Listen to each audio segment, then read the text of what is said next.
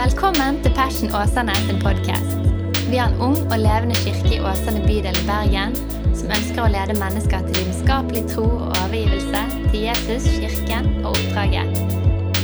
Takk for at du lytter til vår podkast, og vi håper du blir oppmuntret og utfordret i din etterfølgelse av Jesus.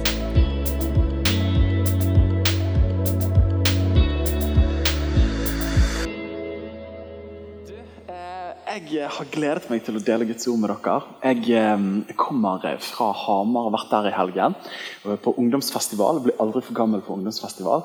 Så dette på fredagskveld da hadde de liksom rigget hele dagen og fått opp en stor scene og lysrigg og røykmaskin. Og her hvor det går. Det er jo så gøy å få lov til å være liksom, blant ungdommen. da, Og så bare forstår jeg at jeg kan ingen av sangene de synger her. Eh, og det er en ond følelse. Eh, og så står du og humper litt med, liksom, og så sier de, ja, nå skal vi tilbe Gud! Kan dere komme fram her? Løp fram! Og de bare løper fram der. Og bare sånn her, jeg var sånn, wow, Nå var forrige gang jeg var med på dette. Og så lagde de en sånn her kristen moshpit. Eh, men det betyr at de ikke er stygge med hverandre, men liksom de klynger seg sammen, og så trakk de litt fra hverandre, og så bygger de opp med Hillsong Young and Free, og så kommer det et dropp, og så bare danser de inn i hverandre. Og sånn. Og da kjente jeg eh, jeg begynner å bli gammel, men jeg liker dette her. da, det gjør jeg. Så jeg var han som sto rett bak og humpet litt sånn som dette. Og så hoppet tenåringene opp i meg liksom, gang for gang. Så nei, det var fint. Så det var ikke helt de tendensene her i dag, men eh, hvem vet neste søndag. Uansett, veldig fint å være sammen. Og noe av det gøyeste var fredagskveld, når man får lov til å Altså, Du har sikkert hatt de erfaringene eh, når du gjør ulike ting i livet. Men sant, eh, de hadde spurt meg om å preke om sannhet. Litt sånn filosofisk tema. og, de ba, og I invitasjonen så sa de du må bare fyre på. De er skikkelig raddisgjeng som er her. Så jeg bare tenkte ok, da er de litt filosofisk klar, liksom. Så kommer jeg der. Jeg har hatt noen sånne erfaringer i min forkynnertjeneste. Og så ser jeg segmentet som er der, og bare tenker no, Danny. You have prepared wrong. Eh, de er yngre enn du trodde. Eh, og eh, Den følelsen, å stå der og ha liksom forberedt noe, slidene er sendt inn til tekniker, du har liksom lagt deg på et nivå, og så forstår du at her er det litt mer Kims Mårud og hormoner og Jesus, liksom. Åh, ja. Eh, det er en fascinerende opplevelse. Men så hadde man frelsesinnbydelse på slutten og fikk lov til å forsyne evangeliet. Og så var det åtte-ti stykker som tok en beslutning om å følge Jesus. De strømmet til forbedrerne, og forbedrerne var helt strålende fornøyd dagen etterpå fordi folk hadde vært så lenge igjen og blitt bedt for. Det var helt nydelig. Så det er utrolig godt at selv om du føler at du gjør et skikkelig mageplask av og til, at Gud kan komme og liksom redde det på slutten. Så Det er vitnesbyrdet mitt fra helgen. Det er At jeg fikk danse med ungdommer, og at Gud bruker deg selv om du føler at du bommet litt. Eh, men det er fint. Det er fint når vi skyter, så kan Gud av og til flytte blinken, sånn at du føler du treffer likevel. Så hvis det taler til noen av dere, så vær så god. Men du, vi er jo i en serie, og vi snakker ut ifra alfa, som Helene har sagt, der vi ønsker å se på de grunnleggende sannhetene i den kristne troen. Da. Og Alfakonseptet eh, er jo noe som kom ut fra Holy Trinity Brompton, det er jo vanskelig, derfor sier vi HTB, i England, som er en anglikansk kirke, men karismatisk. Begynte der skikkelig på 90-tallet. Nikki Gamble, fyren Ca. 30 millioner mennesker har vært gjennom alfa og vært en av de viktigste redskapene for å vinne mennesker for Jesus. Der folk kan bli introdusert for den kristne troen på en avslappet, avvæpnende måte i Vesten, da, som er utrolig gøy. Og Nå har vi det som fokus eh, denne våren her, å kunne få lov til å snakke gjennom alfa. og Vi har lyst til å ha alfakurs til høsten. da. Og Grunnen til at vi gjør det, har sagt det før, men jeg bare repeterer det, det er at vi ønsker å styrke fundamentet på hvorfor tror vi det vi egentlig tror, og hva tror vi. Eh, og Erfaringen er jo gang på gang at selv om man har vokst opp i, i, sånne bygninger som dette, så er det ikke sikkert at man alltid vet hvorfor man tror det man tror, og hva tror man egentlig. Så det er fint å liksom bli minnet på det. Så er det òg at vi ønsker å øke forståelsen til de som ikke tror, og til folk som lytter inn, osv. Og så er det ikke minst at vi har lyst til å trene oss alle i formidlingen av den kristne tro. Og Jeg satt på flyet i går og så pugget jeg 1. Peter 3.15. og nå, Dette hadde jeg ikke forberedt, men se om jeg klarer å huske det utenat. Det er sånn nederlag, jeg der i 30 minutter og prøvd å pugge det, og så glemmer du det. Men der står det 'Hellige Gud som Herre i deres hjerter'. Og vær alltid rede til forsvar overfor enhver som krever dere til regnskap for det håp som er i dere. Vær alltid rede til forsvar, og så forklare hvorfor jeg tror det jeg tror. Gjør det med saktmodighet og frykt Jeg har ikke skjønt helt de to siste ordene der. Eh, gjør det med frimodighet og eh, kjempetrøkk, liksom. Men han, eh, Vi får preke over det, så får vi se om vi forstår det bedre. Men poenget er da å alltid være klar til å fortelle hvorfor tror vi det vi tror. da. Og Du har sikkert erfart det, du òg, men jeg har kommet i situasjoner der folk sier ja, du er jo kristen, eller du sitter på fly eller noe sånt. Jeg ser du leser en bibel. Eh, er du med i en sekt? liksom? Du har farget så mye i den bibelen. Jeg har aldri sett det før. Eh, kjenner jeg det som skjem... Eller jeg skjems ikke, nå skal, jeg... nei, det skal jeg ikke si. Men jeg, idet jeg tar opp Bibelen, og jeg liker jo farge og sånt, og så tenker jeg liksom, Hva tenker han ved siden av meg? Først, ok, Bibel er liksom ett steg i den sekulære tiden vår. litt spesielt, Og så idet jeg åpner, og sidene faller fra hverandre, og de bare tenker ok, han er ikke bare kristne. Han er liksom, han er en av de. Eh, men, eh, men hva var poenget mitt? Jo, Poenget er at når de da spør er du kristen, jeg er kristen. Ja, hva tror du på? Jesus elsker deg. Sant? Og Det er liksom svaret. da, Og vi vet så utrolig godt, men det er sånn, kan du gi meg 30 minutter, så skal jeg forklare det sånn skikkelig. Men Peter sier liksom, dere skal være klare til å liksom, gi, gi, et forsvar for det dere tror på. liksom. Ja, For så høyt av Gud. Og Det er bra, liksom, bedre enn ingenting, men vi trenger å bli flytende i evangeliet. Jeg trenger det, og tror vi trenger det som kirke. da. Er dere med meg på det? Derfor er det en god ting å kunne få lov til å snakke gjennom de tingene vi snakker om. Så dette, Nå har vi kommet til tema Bibel. Og det eh, er klar for å sparke av gårde. Kanskje vi tar og ber en bønn sammen før vi kicker helt av. Jesus, vi takker deg, Herre, for at du er bare utrolig vakker og at du er fantastisk, Herre. Eh, og Jesus, jeg ber her for den tiden vi har nå sammen over ditt ord, så ber jeg om at du taler til oss, Herre. Eh, jeg ber om at du åpner opp eh, vår forstand og våre hjerter, så vi kan forstå mer av hvem du er, og hvordan vi kan formidle denne fortellingen til mennesker som ennå ikke kjenner deg. Jesus. Jeg ber om det. I Jesu navn. Amen. Amen. Bibel. Mange assosiasjoner, mange tanker. Jeg delte noen nettopp fra flyturen min, eh, og som jeg ofte har det. Men jeg husker introduksjonen min for Bibel. Jeg vet faktisk ikke om jeg husker helt tilbake, men jeg husker i hvert fall at jeg hadde en barnebibel. Jeg husker at Mamma ga meg en bibel i 2001. Jeg daterte liksom den første Times New Roman-bibel. Størrelse eh, er det vel sånn ti eller åtte på skriften. Eh, jeg har jo sagt det før, men opplevelsen av at du tar barnebibel fra deg med bilder den Gud du kunne se og kjenne, til du får Times New Roman King James-versjonen, og du bare kjenner Gud, ble du av? Um, det er nok Mange som kan ha den erfaringen der. og Bibelen kan være litt sånn krevende. og hvert fall Hvis du har vokst opp i en kristen lingo om familie, så vet du at liksom Bibel er bra, og Bibel bør du lese. Men så er det ikke alltid man gjør det. da. Um, og det er no shaming. Det tror jeg bygger på dypest sett at man ikke forstår hvor fantastisk Bibel er. Det, det er det vi skal snakke om i dag. Og Jeg husker at jeg hadde møtt Jesus i 8. klasse, og sommeren til 9. klasse så var familien vår på chartertur. Yes, du hørte rett. Chartertur til Tyrkia, og vi bodde på hotell Neptun. hvis du husker rett. Og Da hadde jeg med meg en bok som jeg hadde fått tidligere, som var av Den himmelske mann. Er det noen som har lest den boken der? Ja, altså Den boken her var utrolig spennende. Jeg husker jeg lå på en solseng der nede, led for Kristus, og satt og leste i denne boken. her. da. Og jeg husker Det grep meg så utrolig om broder Jon, for han vokste opp i Henan-provinsen i Kina. Og så møter han Jesus. da. Og så blir han bare helt satt i brann på Jesus. Og så skriver han om Bibel, og hvordan det sto til med liksom bibelforholdet i huskirken i Kina. Og Så sier han at blant folk flest i huskirkene så hadde ikke folk en bibel. Men hvis du først fikk tak i en bibel, så gikk han på omgang hos de kristne. Sånn at de kunne få ha den på ulike tider. Og så hadde de aldri en hel bibel, og mest sannsynlig ikke et helt nytestament, men de hadde utdrag.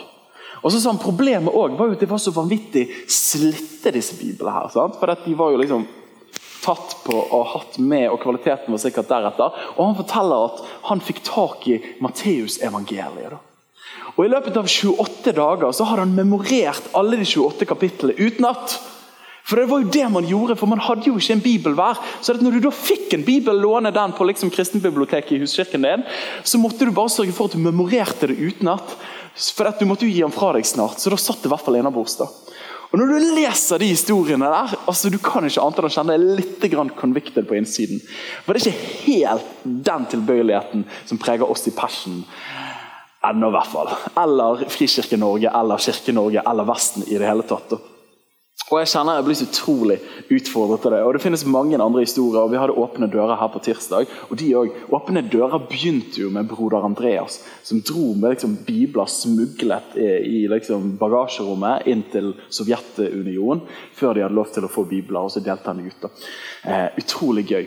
Men i, eh, i alfaboken eh, som vi preker ut ifra, så Nikki Gumbel, han som har skrevet den, han forteller også en historie.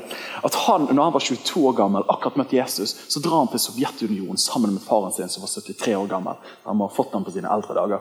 Eh, men det var ikke det som var poenget. Men uansett, de dro til Sovjetunionen. Og så hadde Han nettopp møtt Jesus, og han hadde tatt med seg en del russiske bibler. for han tenkte at I'm gonna share the word. Eh, og Så kom han inn i en del kirker og så sa han at det var om å gjøre å passe på liksom, hvem var skikkelige kristne. For På denne tiden her var jo KGB infiltrerte menighetene, så du hadde liksom ikke lyst til å prikke på skulderen og si du, har lyst på en hel bibel. Eh, sånn, du skal være med meg et annet sted. Eh, så dette, Han var i flere kirker, og så, forstår, så skriver han at han fulgte etter en gammel mann etter en gudstjeneste. Så gikk bortover, og så snek han seg bak han, og så prikte han på skulderen etter hvert. Og Så så han på han, og så sa han på han, undrende hva er det du ønsker å gjøre. Og så tok han fram en hel russisk bibel, både Nytestamentet og Gamle testamentet. Og han Russeren forstår ikke helt hva som skjer, så han tar fram sitt Nytestament, som var tynnslitt og så ut som 100 år gammel. noe Gamble. Og Når han forstår at han skal få hele Bibelen, så skriver han at han russeren og, og Nikki da, begynte å ta hverandre i hendene så begynte de å danse på gaten. Eh, og bare smile og klemme og kysse hverandre. Og så skrev han at det pleier jeg ikke å gjøre. Eh, og det tror jeg på. Men poenget, da, og jeg tror vi alle kjenner oss utfordret, det er jo bare disse to historiene forteller oss noe om verdien de setter på Guds ord. Og når jeg hører de fortellingene der, så kjenner jeg at det utfordrer meg noe så vanvittig. For det Problemet her oppe på berget er jo ikke at vi ikke har bibler. Altså, Vi har bibler i fleng, og flere av oss har mange bibler som er i dette rommet. her. Og En amerikansk husstand har i snitt 6,8 bibler. Problemet er ikke at vi ikke har bibler, problemet er jo at vi kanskje egentlig ikke forstår hvor verdifullt det faktisk er og her kan vi lære noe av den forfulgte kirke. Så Spørsmålet vi stiller i dag, er hvorfor og hvordan skal jeg lese Bibel? Hvorfor og hvordan skal jeg lese Bibel? Er dere klare? Bra. Og Det første jeg har lyst til å si når det kommer til Bibel, det første er at Bibel er helt unik. Bibel er helt unik. Bare hør på det her. Bibel er bestselgeren i verden. Det er jo sånn Når man lager liksom, eh, salgslistene, topplistene i verden på bøker som blir solgt og for ulike nasjoner, hvis jeg har forstått rett, så, så blir jo ikke Bibelen tatt med der. For det er ikke veldig kult liksom, eh, liksom eh, New York Times bestselgerliste. Liksom. Det er liksom kjedelig når Bibelen alltid står på nummer én. Da. Men Bibelen er bestselgeren i verden i dag. Og Det er ca. 100 millioner bibler som selges i året. og det er jo litt sånn... Eh, så Det er jo tidenes mest solgte bok tiår etter tiår, og det er det hvert eneste år. Men det gøye også, da, er jo at Bibelen er den boken som er mest stjålet i verden òg. Så det er jo litt kjekt. Så dette, Hvis din bibel blir stjålet, så er det en god ting. Har dere hørt om Gideon International? De som deler ut bibler på skoler og sånt? De deler ut i snitt én bibel hvert sekund. Altså, De kaster ut masse Eller de gir ut bibler. Sånn, Vi bare lemper masse bibler. Nei, De deler ut bibler. Bibelen er oversatt helt eller delvis til 2426 språk. Og som jeg sa, amerikanere har i snitt 6,8 bibler i snitt. Altså, så Bibelen står i en helt egen sjanger bare når det kommer til liksom, det litterære verket Bibelen. Det er spesielt. Og Når det også kommer til antikke kilder og Husker dere vi snakket om eh, eh, hvem er Jesus? Er Jesus troverdig? Så så vi på kildene for at Jesus har levd, er bare sånn helt overveldende heftig i forhold til all annen antikk litteratur. Da. Så det at Bibelen er noe av liksom primærkildene våre til å forstå tiden for 2000 år siden. Så Bibelen er et spesielt litterært verk. og The Times skrev dette for en tid tilbake. De skrev den britiske avisen som vanlig er altså Bibel er den boken som har solgt mest langt bedre enn noen annen, er Bibel. Dersom det økende salget av Bibel ble vist på bestselgerlistene, ville det bare en sjelden gang vært at andre bøker nådde opp. Det er fantastisk, underlig og bent fram forbløffende at i vår stadig mer gudløse tid, da spennvidden av bøker blir større for hvert år som går, selger denne boken som varmt hvetebrød måned etter måned. Og Det anslås at det selges nærmere 1 250 000 bibler og nytestamenter i Storbritannia hvert år. Er ikke fantastisk? Bibelen er bare helt unik på den måten. Så Bibelen er unik når det kommer til popularitet. Men Bibelen er òg helt unik når det kommer til kraft. Nå begynner jeg å preke. Jeg husker jeg hørte en historie når jeg var yngre. Eh, og vet ikke, Det var sikkert på et møte eller noe sånt. Men det var en predikant som skulle ut og reise, eller en kristen skulle dra til et land. og Så skulle han gjennom flysjekken. og Det var før vi har liksom disse bodyscanningene og disse tingene. som var liksom helt high-tech. Og Så spurte han inspektøren eller han som skulle sjekke, Securitas-fyren, så spurte han ja, har du med deg noe eksplosivt. eller noe sånt. Og han bare jeg har noe mer eksplosivt enn det mest eksplosive i hele verden har jeg i kofferten her. Sånn, Før 2001. Eh, og De ble jo skikkelig stresset, og jeg husker jeg elsket denne historien. her, og De bare rev opp kofferten hans. Og hva fant de der? De fant en bibel. Og Det er bare en vakker historie. Prøv det liksom på Flesland neste uke. Eh, har du med deg noe eksplosivt her? Du skulle bare visst. Putin er en liten mann i forhold til meg. Eh, og de bare så, ja, Ikke prøv det. Men, eh, men uansett, Bibel er utrolig kraftfull, men heldigvis på en helt annen måte enn andre ting man forbinder med sånne kraftfulle ting. Og den, eh, og den, britiske statsministeren som heter så mye som Stanley Baldwin, som var statsminister på 20- og 30-tallet i England, han sa det sånn som dette her. Sikkert før 2001. Bibelen er høyeksplosiv. Det er jo fantastisk. Men den virker på underlige måter. Og Intet levende menneske kan fullt ut skjønne hvordan boken på sin ferd over jorden har beveget tusenvis av sjeler forskjellige steder og ført dem inn i et nytt liv, en ny verden har det skapt, og en ny livsanskuelse, en ny overbevisning og en ny tro. Og Hvis du bare tenker på det og liksom zoomer ut og ikke tenker at du er superkristen, men bare tenker på Bibelen, er ikke det ganske spesielt?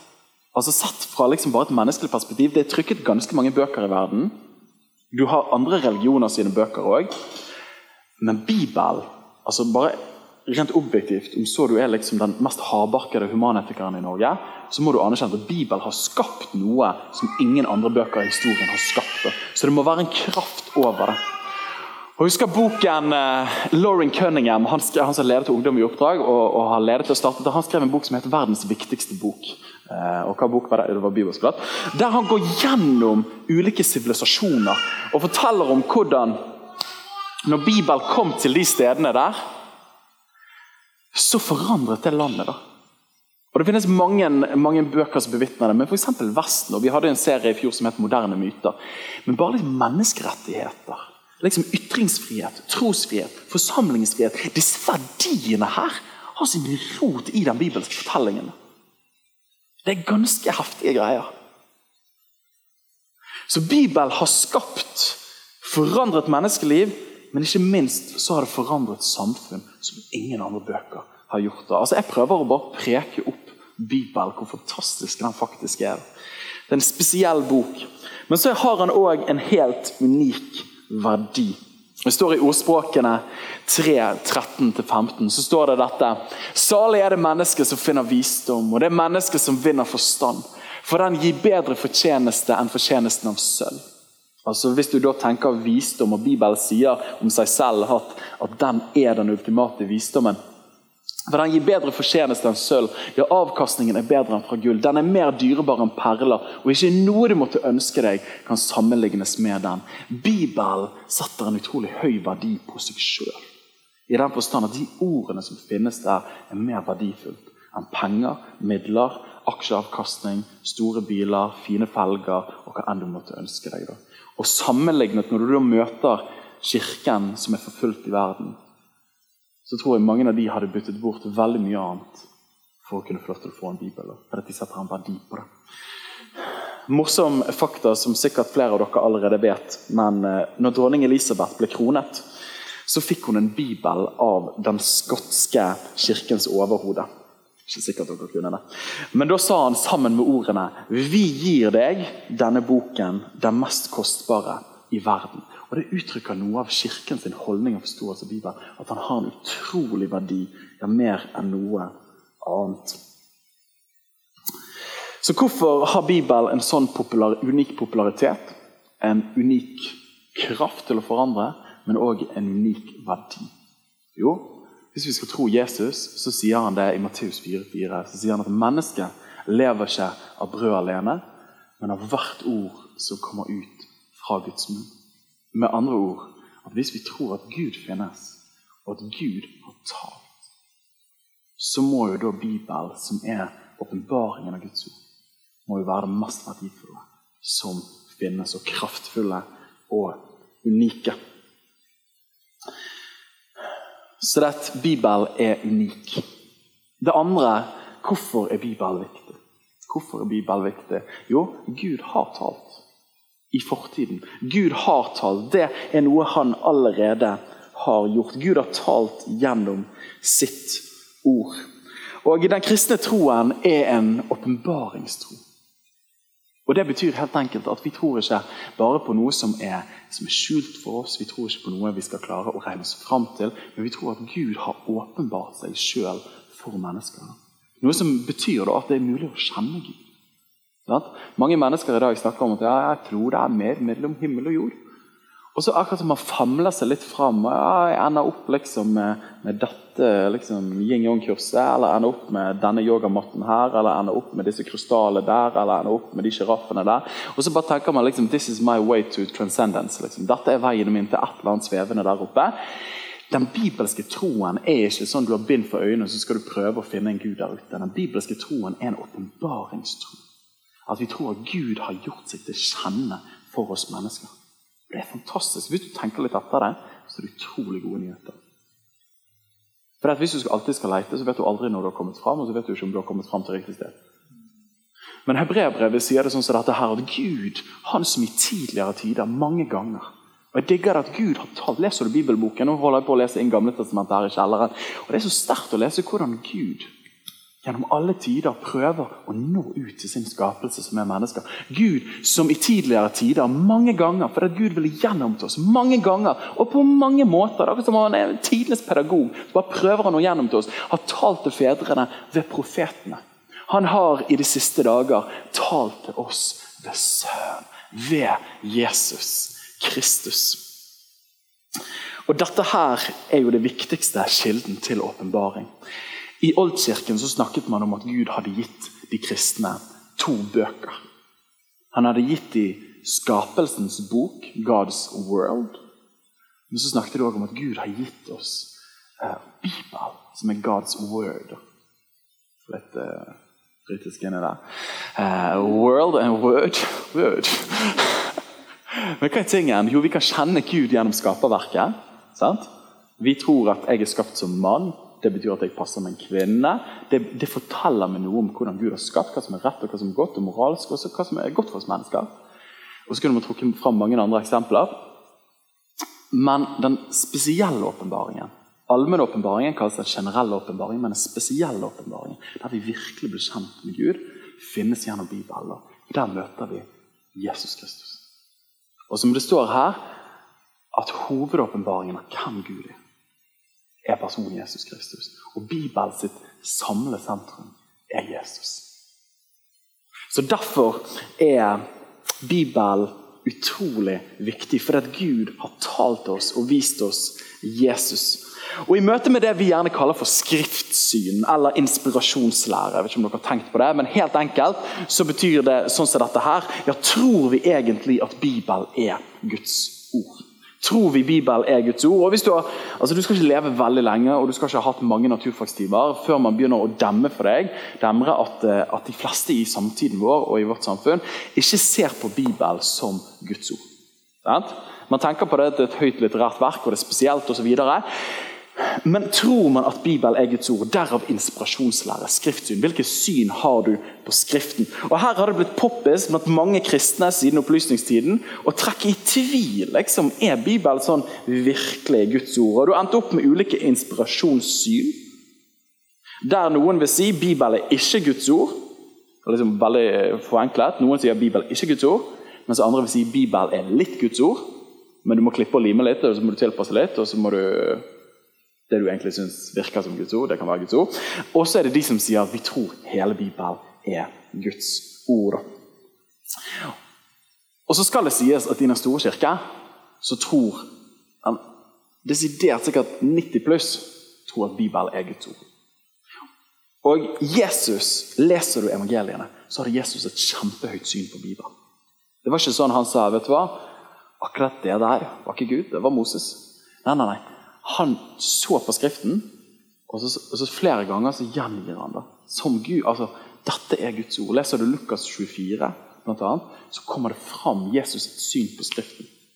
At han trodde at det som sto der, var sant. Så Jesus trodde at Bibelen var Guds ord, at Gud hadde talt. Dette har alltid vært kirken sitt syn fra begynnelsen, at Bibelen er Guds eget ord. En av eh, oldkirkens fedre, Irenius av Lyon, han sa en gang at Skriften er fullkommen. Og Martin Luther, vår gode venn, han sa at Skriften som aldri har feilet. Skriften har aldri feilet. Så det er Bibels lære om, om Bibelen, men også den kristne kirke som alltid holdt fast, og som jeg tror på, og som vi i Passion bekjenner oss til, det er at vi tror at Bibelen er Guds eget ord. Paulus sier det veldig bra, og dette er et kjent vers, men han sier det at hele Skriften er innåndet av Gud. Og Det ordet der på gresk er innblåst. Og, og, og Rent bokstavelig så betyr det å Akkurat som Gud har blåst inn i disse sidene her. At Gud har blåst, Hele Bibelen er innblåst av Gud, og den er nyttig til lærdom, til overbevisning, til rettledning og til opplæring i rettferdighet. altså med andre ord, everything you need in this life, For at Guds menneske skal bli satt i stand og godt utrustet til all god gjerning. Så det at Bibelen er teopneustos, som er det greske ordet for innblåst av Gud. Og Bibelen er skrevet på ca. 1500 år av 40 ulike forfattere. Og av vidt forskjellige folk. Alt fra filosofer, fiskere, akademikere, poeter, statsmenn, historikere og leger. Det er en stor bredde her. Og så kan det være at Når du hører dette, her, så tenker du ja, men Daniel, jeg skjønner at vi kristne må tro på Bibelen. Men jeg har gjort som deg. Jeg har lest i andre Mosebok i det siste. Og jeg kjenner at jeg begynner å stille spørsmål. Gud, hvor er du? Og jeg skal være ærlig at Når jeg sitter og, og, og messer gjennom andre Mosebok, og det står om purpurteppene og utskjæringene, og hvor nøye det skal være når det kommer til de fotside kjortlene og de ulike amulettene som skal henge på Arons bryst osv., så, videre, så tenker jeg Jesus, I can't see you, Jesus. Altså. Jeg trenger hjelp her. Og det er ingen keynote som kommer opp ved siden av, eller ingen animasjoner eller en røykmaskin eller Hillsong Young and Free som bare tenker at dette er jo litt funkis likevel. Så jeg sitter der med den brutale kalde teksten og bare tenker Gud Ja, Gud. Sant? Og, og, og, Nå skal ikke ha håndsopprekning, men mange av oss kan ha kjent på det. sant? Og Det er litt oppmuntrende da å vite at uh, Peter han sier jo sjøl i 2. Peter 3,16 så sier han at uh, det er en del av de tingene som er litt vanskelig å forstå. Så Vi har litt sånn støtte fra de bibelske forfatterne òg, som sier at jeg skjønner ikke, det er litt vanskelig det her. Jeg er helt enig med dere. Um, men så er likevel noe som har vært viktig for meg, da, er å tenke det at, at tar du isolert sett for ut bare et vers eller et kapittel, så kan du starte en sekt. liksom. Altså, Du kan få Bibelen til å si hva enn du måtte ønske den skulle si. Og det er bare å gå inn på Google, så finner du det fort ut. Jeg var inne på om vi skulle kjøpe inn slanger her, jeg òg. Og på en måte bare, nei, bare tuller. Eh, men at du har noen kirker som leser Markus 16-17, der det står at de skal ta slanger i hendene. Og de skal drikke gift, og de ikke skal skade dem. sant? Og så kan man bare tenke Come on, liksom. What it is all about is snake handling. sant? Og så drar du til høylandet i Texas, og så bare you have a snake church.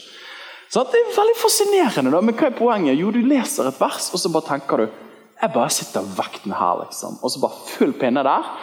Og da kan du ha det artig, da. Men òg dødelig. Eh, og så kan det bli helt sykt. Poenget er at Bibelen er ikke ment å bli forstått isolert, men Bibelen er ment å bli forstått i en sammenheng. Og Salme 119 vers 160 sier at summen av ditt ord er sannhet. Og Husker dere hvem som var summen av Bibelen? Det er personen Jesus Kristus. Så alt i Skriften peker mot Jesus. Så Hvis ikke du ender opp med Jesus i sluttsummen, så ikke finn på noe crazy. Men les en til gang og snakk med noen som kanskje kjenner Bibelen litt bedre. For Jesus er sluttsummen. Og jeg skal være helt ærlig og si at det er mye som er merkelig hvis du leser det isolert, men leser du det med Jesus i sentrum, så får du plutselig en vakker åpenbaring. Og Teologen N.T. Wright har sagt det veldig bra. Liksom, I spørsmål liksom, ja, er hele Bibelen Guds ord, eller deler av Bibelen, eller hva skal du tenke? Og så har han bare sagt det veldig enkelt. sier han, vet du hva? Bibelen er den boken Gud ville vi skulle ha. Og det er akkurat som de formuleringene, Den første gang jeg hørte det, så bare tenkte jeg for Noen er litt sånn ja, hele Bibelen er Guds ord. Hvert komma er der av en grunn. og så bare, ja, men Du har jo glemt at den har blitt oversatt, og de hadde gjerne ikke komma på samme regler som oss. og du vet På gresk har ikke de stor og liten bokstav. så det at Når du leser 'blir fornyet i deres indre menneske ved åren', så står det i noen oversettelser en liten ånd liksom, og en stor, eller en liten ånd og en stor å. Men, men Gud, hva er din vilje? liksom? Eh, og så er det bare dette er den boken Gud ville vi skulle ha. Er det ting som er vanskelig å forstå? Ja, det er det. Er det noe som har blitt oversatt litt rart? Ja, det er det. Er det noe som jeg bare jeg aldri kommer til å forstå? Mest sannsynlig. Men har jeg grepet sentrum? Ja, det har jeg. Det er Jesus Kristus. Så Bibelen er den boken Gud ville vi skulle ha, og her har han talt til oss. Og Jeg husker jeg satt meg ned med gamlepastoren min i Kristkirken, Reidar Paulsen. og så jeg hadde akkurat begynt å studere teologi, og da hadde vi om inspirasjonssyn. Da. Så sa jeg Reidar, tror du på sånn verbal inspirasjon? Det betyr liksom hvert ord sant? det er skrevet. Eh, eller tror du på sånne sentrum-periferi-inspirasjon? Jeg hadde lært disse her, det er sikkert mer sånn notatark bare sånn, for å si liksom, begrepene rett. Og så, og så, stoppet han, og så han bare, det var tydelig at han hadde studert dette for ca. 70 år siden, så han kunne ikke de begrepene heller. Eh, og så sa han Daniel, jeg tror at Bibelen er 100 menneskelig. Jeg bare nei, har du mistet troen? Og så sa han, men òg 100% guddommelig. Og så bare ah, Det var jo helt genialt! Og Det er det Bibelen sier om seg sjøl. Hvis det var 100 guddommelig, og at de skrev bare ned på autopilot, liksom, akkurat som de bare ble blekket ut, og Gud tok over en klone, så burde jo alle bøkene i Bibelen se helt like ut for Gud være som forfatteren. ikke sant? Men når du da leser en ulik person skrive et par tusen år før i Bibelen, så er jo det ulikt. Hvorfor det? Jo, fordi det bærer preg av den personen som skrev. Men Gud brukte den personen med sin fortelling. Han var det inspirert og innblåst av Guds eget ånd. Så det er ikke velg liksom 70% Gud, 30 menneskelig. Nei, nei, nei. Det er 100 menneskelig, og så er det 100% inspirert av Gud. På samme måte som Jesus var 100% menneske og 100 Gud. Dere er med meg? Dette er gøy. Du, Så bra. Så det er Bibel, hvorfor er den viktig? Jo, helt enkelt fordi at Gud har talt i fortiden, men enda mer enn det. Hvorfor er Bibelen viktig? Jo, fordi Gud taler i nåtiden. Gud taler i nåtiden. Og Da har jeg lyst til å ta oppmerksomheten deres til et vers fra Hebreabrevet, som jeg syns er utrolig gøy. Og Der sier forfatteren av Hebreabrevet, som jeg tror er Paulus, eh, men jeg kan ikke slå i bordet med det, men der sier forfatteren han sier derfor, som Den hellige ånd sier Jeg vil at dere skal bite dere merke i dette. Som Den hellige ånd sier I dag om dere hører hans røst, da forherd ikke deres hjerter som ved forbitrelsen på fristelsens dag i ørken. Tar dere det som finner sted her? Det som finner sted her, er at fatteren sier 'som Den hellige ånd sier' i presens partisipp, som betyr taler nåtid i prestens, men partisipp betyr at man taler igjen og igjen og igjen. og igjen. Som Den hellige ånd nå sier og fortsetter å si i dag, om dere hører hans røster, for her er det ikke deres hjerter som ved forbitrelsen på fristelsens dag i ørkenen. Men her tar jo han og siterer et vers fra Det gamle testamentet, som var sagt for flere tusen år siden.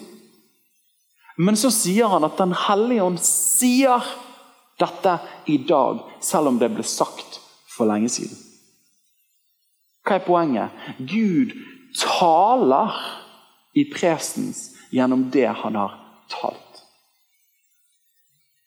Og Det er det som gjør Bibelen spesiell. Det er at Bibelen er ikke bare en bevitning av det Gud en gang talte.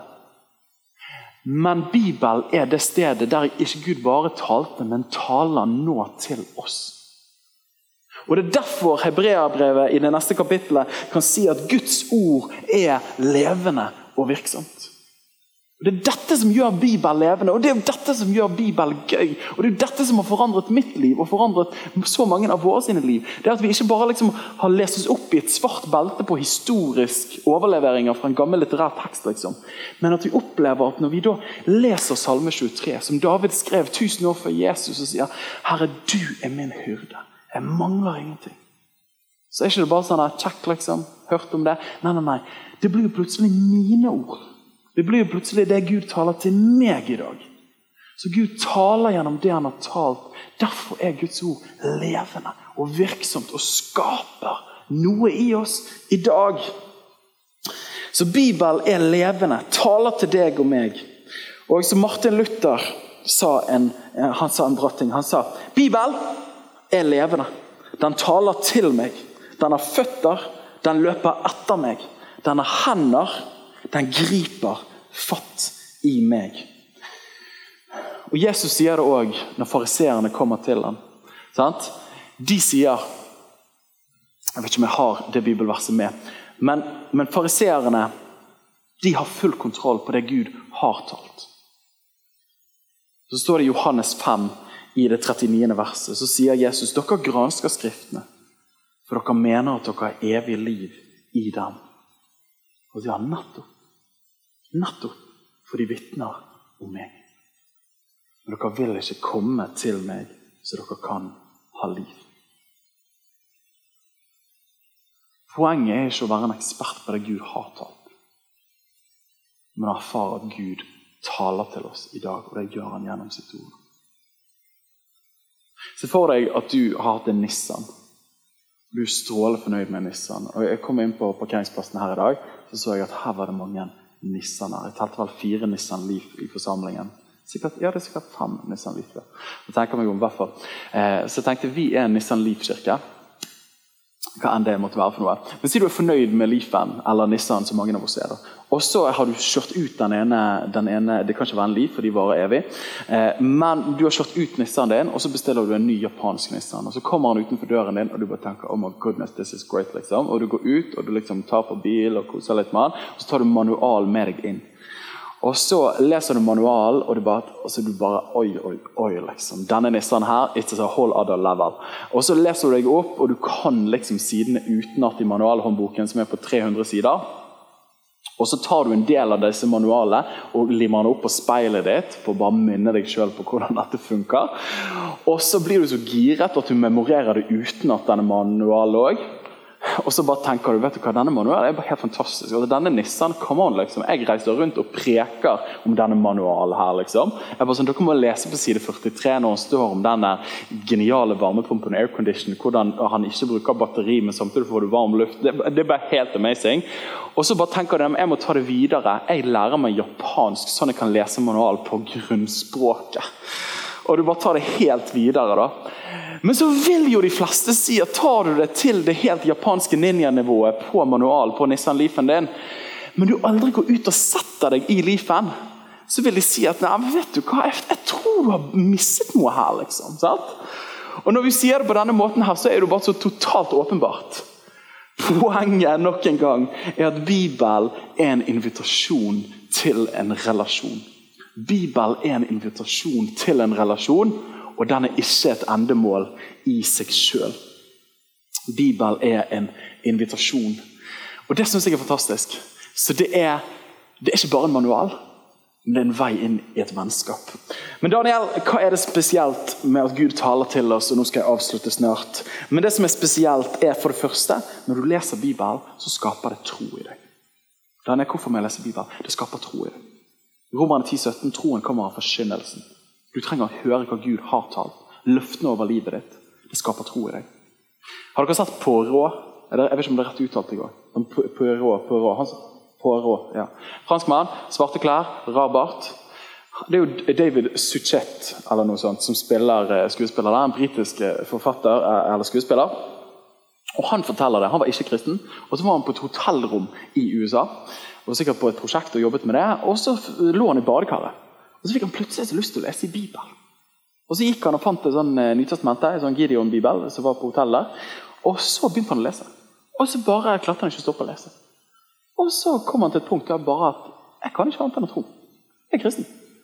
Eh, og han har jo blitt kristen og laget kristne dokumentarer. det var utrolig flott. Men poenget er da at når, idet han begynte å lese Bibelen, så begynte troen å komme. Jeg har lyst til å påstå, jeg tror veldig mange mennesker i dag sier at jeg tror ikke på Gud. takler ikke han. Og så spør du har du lest i Bibelen. Nei, men jeg tror ikke på Gud. Ja, men Det er ikke lov til å si det. Du må lese før du kan si det. Leser du Bibelen, så vekker det tro i oss. For det andre, det å lese Bibelen mer enn å bare skape tro. Når troen er virksom, så forvandler det oss. Sant? 2. Korinteren 3,18 når du ser Jesus i Bibelen, så blir du likedannet til han. Du blir forvandlet ved å se han. Og eh, Husker mamma pleide å si det. At sine besteforeldre pleide å si det. Og Deres favorittsalme, som er en norsk salme, det er Guds ord. Det er vår fedrearv, og til Borny skal det gagne. Den har ikke vi sunget her før. Poenget er at den største arven vi kan gi videre til neste generasjon, er Guds eget ord. Du, dere er med. Det er bra. Avslutningsvis hvorfor og hvordan skal jeg lese min bibel? Vi har snakket om hvorfor. Jo, han er helt unik. Gud har talt, og Gud taler. Derfor er Bibelen kjempeviktig. Avslutningsvis, litt praktisk, hvordan skal jeg lese min bibel? Og Da er det veldig mye man kan si. Noen av oss elsker å lese Bibelen. Noen av oss syns det er kjempevanskelig. Noen av oss eh, leser den med fingrene, for man kan ikke se med øynene. Noen av oss hører den på podkast, det er veldig bra forresten, eh, osv. Jeg kan bare si parentes, men nå kommer forhåpentligvis snart Nytestamentet, som, eh, som jeg leste inn i fjor, kommer det snart på U-version. Tenk på det. Verdens største bibelapp. Eh, så nå kan du høre samtidig som du leser der. Ingen andre norske oversettelser har lyd tilgjengelig.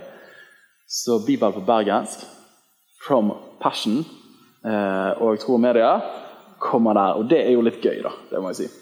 Eh, og Det var sånn 500 millioner som lastet ned den appen. Så det er sikkert 500 millioner som kommer til å høre Bibelen på bergensk. Det er jo helt rått.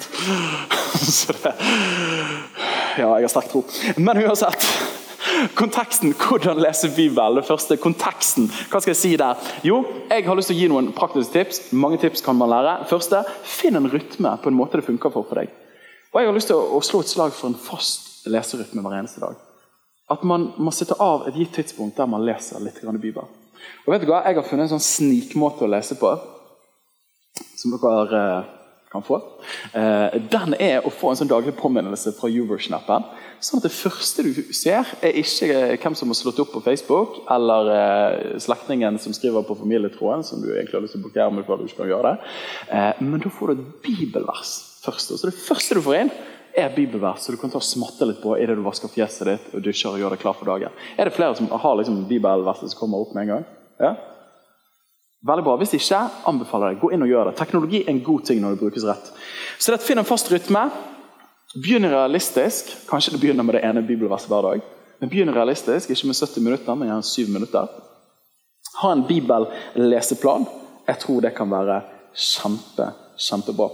Eh, varier måten man leser på. Av og til så bytter jeg oversettelser. Av og til eh, så hører jeg det på podkast når jeg ikke gidder å lese. Og så videre. Men bare sørg for at man får en rytme på hvordan man blir utsatt for Guds ord. For husk det, Bibelen skaper tro i oss. Gud taler til oss. Det andre er selve teksten. Les variert. Hvordan lese Bibelen? Jeg har lyst til å si Les variert. Ikke bare spis cheeseburger. Sant? Ikke bare leve i salmene. Det er langt unna cheeseburgere. Men sant? ikke bare Det var et dårlig eksempel. Eh, men, men, les variert i Bibelen. Blandet kosthold betyr god fostring for kroppen, sier de som kan det.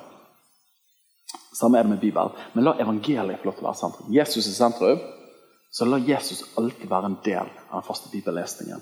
Altså, La det ikke gå for lenge mellom du hører Jesu egne ord. Følg en bibelleseplan, gjør det enklere. Anbefaler òg bibelkommentarer. Det, og det finnes mye gratis på nettet. Men det har åpnet en verden for meg. Sant? Du har gjerne lest den samme bibelboken 17 ganger, og så bare tenker du jeg har notert, jeg har fargelagt, jeg kommer ikke på noe mer. Gud, har du noe du har lyst til å si? Og så bare leser du en bibelkommentar fra noen som er litt smartere og levd litt lenger. Så plutselig var det dette det betydde. Det har betydd masse for meg de siste årene. Eh, les som en skipper og som en dykker. Hva mener du med det, Daniel? Jo, skipperen han er på havene, og han har reist over alle de store hav. Det betyr av og til les bare kvantitativt. Sant? Les gjennom en bok, ikke stopp opp for mye. Men òg les som en dykker. Stoppe med ett vers. Bare være der i en dag eller to. Bare jobbe med det verset. Skjønner du hva jeg mener? Så både den skipperen som er over det hele, men òg dykkeren som bare dykker litt dypt ned på ett sted. Begge de to tilnærmingene tror jeg er viktig. Så har jeg tre spørsmål som kan hjelpe deg når du leser din bibel. Og det er første. Hva står det i dette avsnittet? Og dette er faktisk, hvis du tenker etter, så er det mest sannsynlig dette du gjør av deg sjøl. Når du leser for evangelieteksten der det kommer en lam mann til Jesus, eller han blir båret til Jesus, første spørsmål, hva står det her i avsnittet? Jo, helt åpenbart, Her står det at det kommer fire stykker og bærer sin kompis eh, og slipper han ned foran Jesus. Jeg vet ikke om det var fire stykker, men det kommer noen venner. Spørsmål nummer to, Hva betydde dette for de som skrev det? Du satte deg inn i ok, De rev opp taket til huseieren. Han var sikkert ikke så glad liksom, og slapp det ned foran Jesus. Fariseerne ble kjempesinte. Man, du gjør det automatisk, men det er bare litt interessant å være bevisst det. Og så er det tredje spørsmålet. Men hva betyr dette for meg i dag? Jeg er ikke lam. Nei, men Det betyr kanskje det at når jeg ikke klarer å reise meg sjøl, så trenger jeg av og til at noen andre hjelper meg inn i Guds nærvær. Og der kan jeg få mitt gudsmøte. Og det er ofte på det tredje punktet at Guds ord blir levende, og at du der hører Guds stemme. For da blir den teksten som en gang ble talt, ender opp med å tale nå til meg og deg. Dere tok den, sant? Så helt, helt avslutningsvis Bibelen er unik. Gud talt, og Gud taler. Også hvordan lese. Gjør det enkelt, gjør det variert. Og det finnes ikke en fasit, men det er en invitasjon til en relasjon. Og Pave Gregor 1 sa at Bibelen er et brev fra Gud. Augustin han sa det veldig bra. Han sa at Bibelen taler ikke om noe annet enn Guds kjærlighet til oss. På mine leirer som jeg vokste opp med, så var klisjeen Bibelen er et kjærlighetsbrev fra Gud til oss mennesker. Jo mer jeg lever, jo lenger jeg leser den teksten, og Jesus vil være sentrum. Så jeg vet hva, det er faktisk helt sånn. Så han pave Gregor sa Bibelen er Guds brev til oss. Og så Augustin sa Bibelen taler bare om Guds kjærlighet til deg og meg. Det er Guds kjærlighetsbrev måtte vi være folk som elsker dette brevet, og at det får lov til å lede oss inn i en relasjon. Amen. Fantastisk. Skal vi ta be sammen? Jesus, takk for at du er helt nydelig, Herre. Jesus, jeg ber deg sånn som vi avslutter her. Takk for at ditt ord er et kjærlighetsbrev til oss. Og Jeg har lyst til å be Herre for meg, for alle oss i vår kirke, de som er og de som ikke er. Jeg ber om at vi skal være en kirke som elsker ditt ord. her. Jeg er ikke ut ifra plikt, ikke ut ifra det det en god kristen skal gjøre, men her at vi har fått lov til å erfare at Bibelen forteller om din kjærlighet. Men mer enn at det er en manual, så er det òg en invitasjon til å erfare denne kjærligheten gjennom en relasjon til deg, Jesus. Vi ber om det. Jesu navn. Amen. Takk for at du lyttet til vår podkast. Hvis du synes den var bra, så del den gjerne med noen flere. Vil du vite mer om hvem vi er, hva som skjer, og kanskje besøke en av våre gudstjenester, se vår nye hjemmeside på fashionåsane.no, eller følg oss på sosiale medier. Helt til slutt, ta imot Herrens velsignelse. Herren velsigne deg og bevare deg. Herren la sitt ansikt lyse over deg og være deg nådig. Herren løfter sitt åsyn på deg og gi deg fred.